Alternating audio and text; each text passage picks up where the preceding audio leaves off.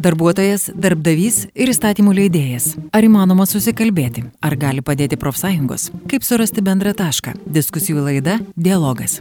Šis dialogas apie jaunimo problemas ir iššūkius darbo rinkoje. Laidos pašnekovai Alina Tankeliūn, Lietuvos profesinių sąjungų konfederacijos jaunimo centro pirmininkė ir Klovainių skaldos generalinis direktorius Vitolis Urmonas. Klausykite ketvirtadienį 14.10. Diskusijų laida Dialogas. Prie mikrofono Vilija Kvedaraitė, dialoge kalbėsime apie jaunimą darbo rinkoje ir kalbame su Lietuvos profesinių sąjungų konfederacijos jaunimo centro pirmininkė Alina Tankeliun. Labadiena, Alina. Sveiki, sveiki. Ir Klovainių skaldos generaliniu direktoriumi Vitoliu Urmanu. Sveiki. Labadiena. Iš tikrųjų, tam tikrų amžiaus kategorijų žmonės, kurios, na, amžiaus kategorijos iškrinta iš, vadinkim, to darbingiausio amžiaus ribų, tarp, pavyzdžiui, 25 ir 45 metų patiria problemų ieškodami ar keisdami darbą. Šį kartą kalbam apie uh, tuos jaunesnius žmonės iki 25, sakykime, ar 29, kurio nedarbas ypatingai išaugo pandeminiu laikotarpiu ir kai kuriais mėnesiais net perkopė per 15 procentų. Kas nutiko, Lina, sakykite, ar čia staiga darbo rinkai nebereikėjo jaunų žmonių? Um, ne, yra tokia tendencija kad e, jaunas darbuotojas dažniausiai ateina paskutinis ir esant kažkokiam tai problemom įmonėje jisai bus atleistas pirmas. Todėl, kad e, darbdavys yra linkęs pasilikti tą žmogų, kuris jau kelis metus ar daugiau dirba to įmoniai ir, nu kaip, su juo ne, nebereikia žaisti, jo nebereikia mokyti ir taip ir išeina, kad jaunimas lieka už borto. E, ponas Vitalis, sakykite, jūsų įmonė, kiek jaunų žmonių, kiek jau turite jaunų darbuotojų ir apskritai ar skiriasi darbuotojai priklausomai nuo amžiaus, na jų darbas? Visada skiriasi viena kategorija yra, kaip buvo paminėta, darbuotojai turintys darbo patirtį nemažą ir ateina jaunimas. Ir šita ir šita kategorija kiekvienam darbdaviui yra labai primtina ir aš manau geriausia, kai kolektyvose yra lydinys šitų dviejų amžių. Tai yra ir darbuotojai su patirtimi, ir jauni darbuotojai, jauni žmonės, kurie yra imlus šiai dienai technologiniam naujovėm ir visom kitom naujovėm. Ir žvelgiant į mūsų praktiką, mes iš 160 darbuotojų turim apie 30 beveik darbuotojų, kurių amžiaus yra iki 29 metų. Tai pakankamai jaunas kolektyvas. Taip, su jaunais žmonėmis kartais kiekvienas darbdavys tikriausiai gali pasakyti, kad yra savų problemų, bet tai tuos problemos nėra blogos problemos. Reikia paprasčiausiai truputį laiko, kantrybės su jaunais žmonėmis kad juos įtrauktų kolektyvą, apmokyti ir tada jie taps tikrai gerais darbuotojais. Mhm, bet tai, kai jūs kalbat, vis tiek reikia kažkokio tokio, na, kitokio išskirtinio dėmesio. Bet kita vertus ir pačių jaunų žmonių požiūris. Pavyzdžiui, didelė dalis bedarbių Lietuvoje, na, dabar čia paskutinė statistika, iš tikrųjų yra niekada nedirbę. Tarp jų tikrai nemažai yra jaunimo. Kaip motivuoti? Vienam neapsimoka, nes alga per maža. Na, žmonės, jauni žmonės dažnai nori greitai visko, iškart atlyginimas turi būti tūkstančiai, nesvarbu, ką aš moku ar nemoku. Kitas kažkokių kitų savo reikalų turi. Kieno vis dėlto į tai indėlis didesnis? Ar tai yra nenoras dirbti, ar nenoras priimti dirbti žmonės, kurie yra dažnai bedarbinės patirties. Alina, kaip Jūs manote? Dažniausiai būna taip, kad darbdavys kelia tuos reikalavimus dėl patirties, bet jaunas žmogus jos neturi tai reiktų kažkokią tai nišą gal sukurti, kad žmogus galėtų praktikuotis. Kad pavyzdžiui taip aš žinau kad aš ten dirbsiu tai gal labiau orientuotis praktika toj pusėj. Ir jeigu darbdavys matys kad žmogus tikrai imlus ponas vitoldas e, neleis man sumeluot jeigu jisai mato žmoguje kad tikrai tas darbas jam yra tinkamas jisai tikrai priims ir be patirties. Jisai žino kad jisai išmoks to bet reikia investuot į praktika. Be praktikos nieko nebus. Panas Vitoli, kaip jūsų manim, kur vis dėlto, ar dar nenoras dirbti didesnis, ar nenoras priimti? Ir tas ir tas yra. Jaunas žmogus buvo pasakyti labai gerai, nori šiandien, čia, dabar ir visko.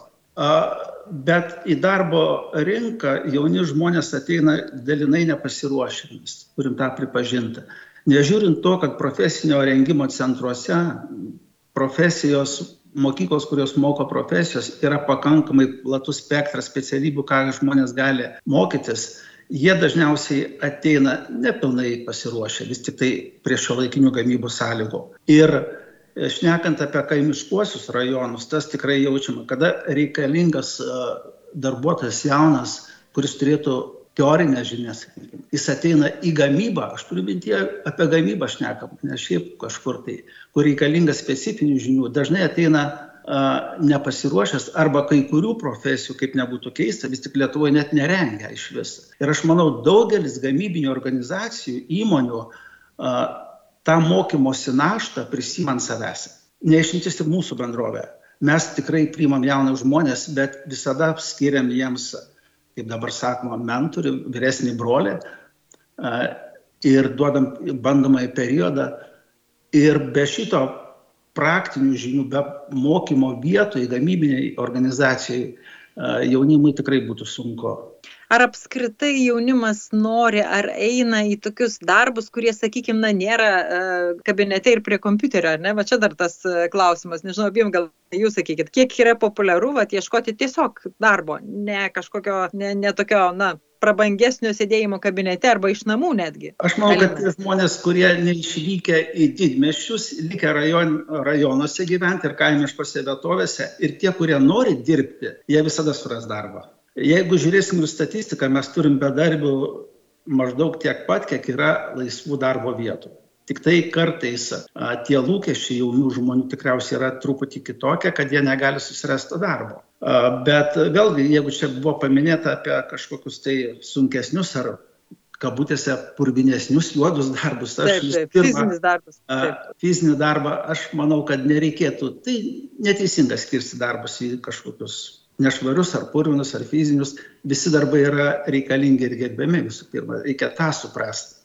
Ir jaunam žmogui reikia pasakyti, kad ir fizinis darbas, ir paprastas darbas, ir nekvalifikuotas darbas, jis mūsų visuomeniai reikalingas. Tai nuo to reikėtų pradėti.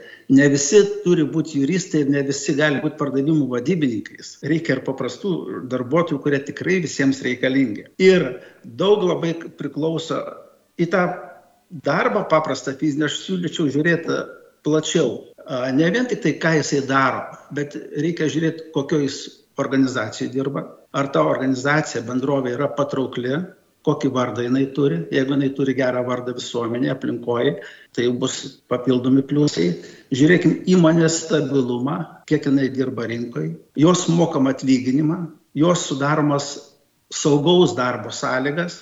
Ir jeigu šitie visi kriterijai bus teigiami, tai jaunam žmogui bus kur kas patogiau ir patraukliau įsidarbinti tenai. Ir tada tas fizinis, jeigu tik žiūrėsim vien tik tai tas fizinis darbas, jau gal netrodys labai sunkus ir, ir, ir neįmanomas, jeigu bus visas kompleksas gerų darbo sąlygų. Galų galę neužmirškim, kad kiekvienoje įmonėje turi būti ir normalu, normalus mikroklimatas, tai yra santykiai tarp darbuotojų, santykiai tarp darbininko ir vadovo, Ir jeigu taip plačiau žiūrėsim, tai visas šitas kompleksas sąlygų, tą tokį fizinį darbą, apie kurį mes bandom šnekėti, jis gal netrodys toks baisiai sunkus. Iš tiesų, Alina, kaip jaunas žmogus žiūri į va, tą, tokį, na, ne, ne prie kompiuterio, ne prestižinį, galbūt tiesiog darbą, kuris labai reikalingas, kaip ir, kaip ir minėjo ponas Vitolis, tai ta, ta, tie darbai iš tikrųjų, jie neskirstyti, na, jie visi, aš labiau žiūriu, kalbu apie požiūrį ir tą požiūrį gal netgi ne, ne pačių jaunų žmonių, bet jų tėvų, nes pradėti reikia nuo to, ar ne, kad į profesinį mokymą niekas neskatina savo vaikų, arba tiksliau labai nedidelė dalis, visiems reikia į universitetą, iki aukštai baigti. Tai tas, ta, tas požiūrio klausimas, Alina, kaip, kaip Jūs manote? Galiu papasakot savo pačios patirtį, Taip. nes 2007 aš persikraušiau iš Vilniaus rajono, ką tik baigusi mokyklą, visiškai žalia, įstojau mokytis mediciną, esu bendrosios praktikos slaugytoja, bet iki to, kol aš įsidarbinau ligoniniai, aš turėjau daug darbų. Aš dirbau indų plovėja, indų nurinkėja, padavėja. Parduotuviai dirbau pardavėja, netgi valytoje dirbau. Tikrai žinojau, kad sunkus darbas man atneš tikrai tai, ko man reikia, nes aš turėjau puikų pavyzdį. Mano tėtis 40 metų pradirbo įmoniai susijusi su Vytoldo darbu, jisai dirbo žvyro karjerę. Tai yra juodas, sunkus darbas ir tai buvo puikus pavyzdys tiek su darbdaviu, nes jų santykiai būdavo puikūs, aš matydavau, kaip jis elgėsi su mano tėčiu ir aš žinojau, kad tas juodas darbas yra tikras darbas. Ir kol aš nepabaigiau medicinos ir neįsidarbinau santoros klinikose slaugytoje, aš tikrai dirbau daug darbų ir tikrai mano daug grupiokių dirbo tos pačius darbus. Gal mano karta jau biški kitokia, nes aš dar iki 90 gimiau, bet e, aš tikrai matau tendenciją, kad ne visas jaunimas bijo to juodo darbo. Dabar jį pakeitė kurjerių darbas, e, pavėžėjų darbas ir panašiai, bet e, tuo momentu, kai aš atsikėliau į didmestį, mes ėmėmės bet kokio darbo ir žinojom, kad jisai bus vertintas. Tai iš tiesų tai puikus pavyzdys jūsų tikrai, bet, bet pavyzdžiui, dažnai atsiranda ir tas, na, girdima, gal vėlgi labai priklauso nuo to, kur, vat, gal čia irgi daugiau didmiešių klausimas ar panašiai, bet dažnai, pavyzdžiui, jauni žmonės nenori, nenori būti samdomais darbuotojais, jie nori parduoti savo paslaugą. Tas santykis, aš turiu menį apie santykį su darbdaviu, kad jie, vat, tas irgi mikroklimatas labai svarbu ir iš tikrųjų gal kaip puikus mikroklimatas įmonėje, tai net nebesvarbu iš tikrųjų, koks tas santykis, ar ne, ar tu samdomas, ar tu, ar tu esi e, savarankiškas, ar pagal ten kažkokią individualią veiklą, ar dar ką nors dirbantis patys, bet, na, kaip tai verslas vertina, čia gerai ir blogai tas noras tokio savarankiškumo didesnio, panas Vitoli? Kiekvienam darbe, kiekvienas darbuotojas turi turėti savarankiškumo, netgi jeigu jisai ir dirba nesavarankiškai, kiekvienam darbe, kad ir kokį darbą dirbtų konkretų fizinę ar kaip kažkokio žemesniai kategorijai, jis turi savo kompetencijos ribas, kuris turi veikti savarankiškai ir prisimti atsakomybę už bet kokią atliekamą darbą. Ir tas iniciatyvumas darbingo kolektyvai jis tikrai niekada nedingsta. Ir jis, kiekvienas darbuotojas atėjęs jaunas ir dirbti fizinį darbą, jis turi būti ir iniciatyvą rodyti, ir ir, ir turėti galimybę tobulėti. Taip pat sakyti, kad jisai, jeigu dirba vien tik tai tą fizinį paprastą darbą ir jisai yra užangažuotas, jis nieko negali daugiau daryti, tai ne, visai gal būtų teisinga. Tai jokiais būdais, e, aš nemanau, čia vis iš tikrųjų labai daug priklauso vis dėlto nuo to da, tų darbo sąlygų. Bet e, kita vertus, na, mes kalbam čia apie tokius gerus pavyzdžius, ar ne, Lina, kaip jūs pasakojate apie save arba ten savo aplinką, bet, bet ne visiems taip vienodai atrodo ir iš tikrųjų pakankamai didelė vis dėlto dalis jaunimo nedirba dėl vienu ar kitų priežasčių. Kaip įmanoma jį pritraukti, kaip sugražinti į tą darbo rinką, kaip galų gale padaryti patrauklesniu tas profesijas, ne, ne universitetinės, bet tokias e, pačias reikalingiausias, kita vertus, tos pameistrystės programos, jos lyg ir yra, lyg ir veikia, bet, e, na, matyt, netlieka visiškai pilnai to savo darbo. Ar apskritai didesnis dėmesys profesiniam mokymui, kurioje vietoje reikia pradėti tai spręsti, Alina? Man atrodo, dar viduriniai mokyklai kadangi visas profesines mokyklas einam, jei neklystų, nuo 8 klasės. Ir ten pabaigia vidurinę ir tada įgyja profesiją dar vieni metai mokymų, kadangi mano pačios vyras yra paprastas elektrikas. Ir tikrai e, baigęs jisai vidurinę savo profesinį mokyklai buvo ir tikrai turėjęs puikų mokytoją, kuris, vad būtent tame laikotarpyje išugdė tą norą dirbti tą darbą. Jeigu mes neturėsim puikių specialistų, kurie turėtų noro apmokyti tos jaunuosius žmonės, tai greičiausiai va tam laikotarpį mes ir prarasim tą gijelę, kuri leis e, išleisti kuo daugiau paprastų profesijų žmonių. E, iš tikrųjų, tos paprastos profesijos tai yra pačios reikalingiausios. Pabandykim Taip. išsiversti be, be elektriko, be santechniko, be yes. automobilių meistro. Nu, niekur, nei, nei žingsnio. Ir čia yra iš viso aukso vertės tie žmonės dabar. E, ponas Vitoli, kur, kurioje vietoje reikia daugiau to dėmesio, kad vis dėlto jos taptų patraukliomis iš tiesų? Gal tada truputį norėtųsi atsigręžti į praeitį. Aš manau, kad per praėjusį dešimtmetį, gal drąsiai galėčiau sakyti, turėdamas nemažai gyvenimiškos patirties ir darbinės patirties, buvo padarytos spragos savotiškai ir švietimo sistemoje. Mes visi buvom orientuoti prieš 10, 15, 20 metų, kad visi iš mūsų vaikų turi būti baigę įstoti į aukštasias, visi turi tapti, kaip sakiau, bent jau vadybininkais, o dar geriau juristais. Tokia buvo orientacija. Ir eilę metų mes visai visuomenėm pakankamai mažai šnekėjom apie profesinį orientavimą. Ir tarytum tas profesinis orientavimas tai kažkoks tarytum tabu buvo, o jau gink Dievę nueiti žmogui jaunam mokytis profesijos, nu, liktai ir negarbė buvo. Jo lab, kad išbaigę, kada baigė gimnazijas, matom, kad jeigu jau nestoji į aukštąją mokyklą, tai vadinasi kažkas tai negerai su tavimi. Tai šitos spragos jos yra, reikia jas pripažinti reikia keisti nuomonę kur kas platesniam rate ir pradėti, kaip buvo paminėta, jau nuo gimnazijos, nuo vidurinių mokyklų. Gal net darželio? Galbūt ir tai, ir pasakyti, kad profesinis orientavimas nėra blogai, kad turėti specialybę ir, ir kaip darbdavys, aš galiu pasakyti, turėti ne vien tik specialybę, bet ir tą diplomą, kad esi baigęs tą specialybę. Tai yra būtinos sąlygos šiai dienai. O ką mes turim? Dalis jaunimo kurie neturi netgi jokio profesinio įsilavinimo, jie ieško savęs, kaip dabar įprasta. Tai jie gali čia padirbti, truputį čia padirbti, truputį išvažiuoti į vakarus galbūt padirbti, o po to grįžta. Grįžta neturėdami jokio išsilavinimo.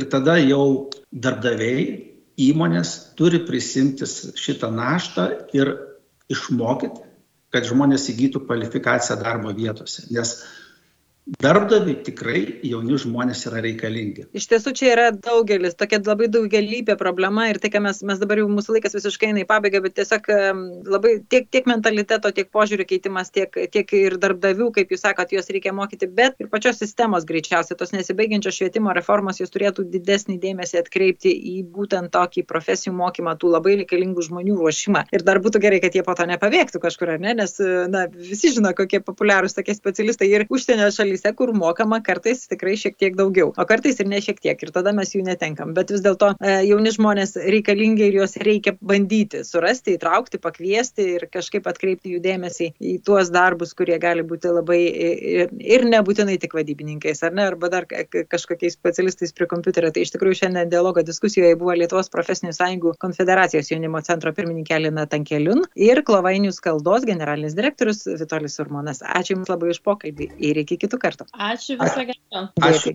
ačiū Jums viso gero. Dėkui, iki. Darbdavys ir darbuotojas. Įstatymų leidėjas ir darbdavys. Kaip susikalbėti? Bendrų taškų ieškome. Dialoge. Laida rengiama bendradarbiaujant su Lietuvos profesinių sąjungų konfederacija pagal projektą Social LT finansuojama iš Norvegijos finansinio mechanizmo socialinis dialogas Dermas darbas.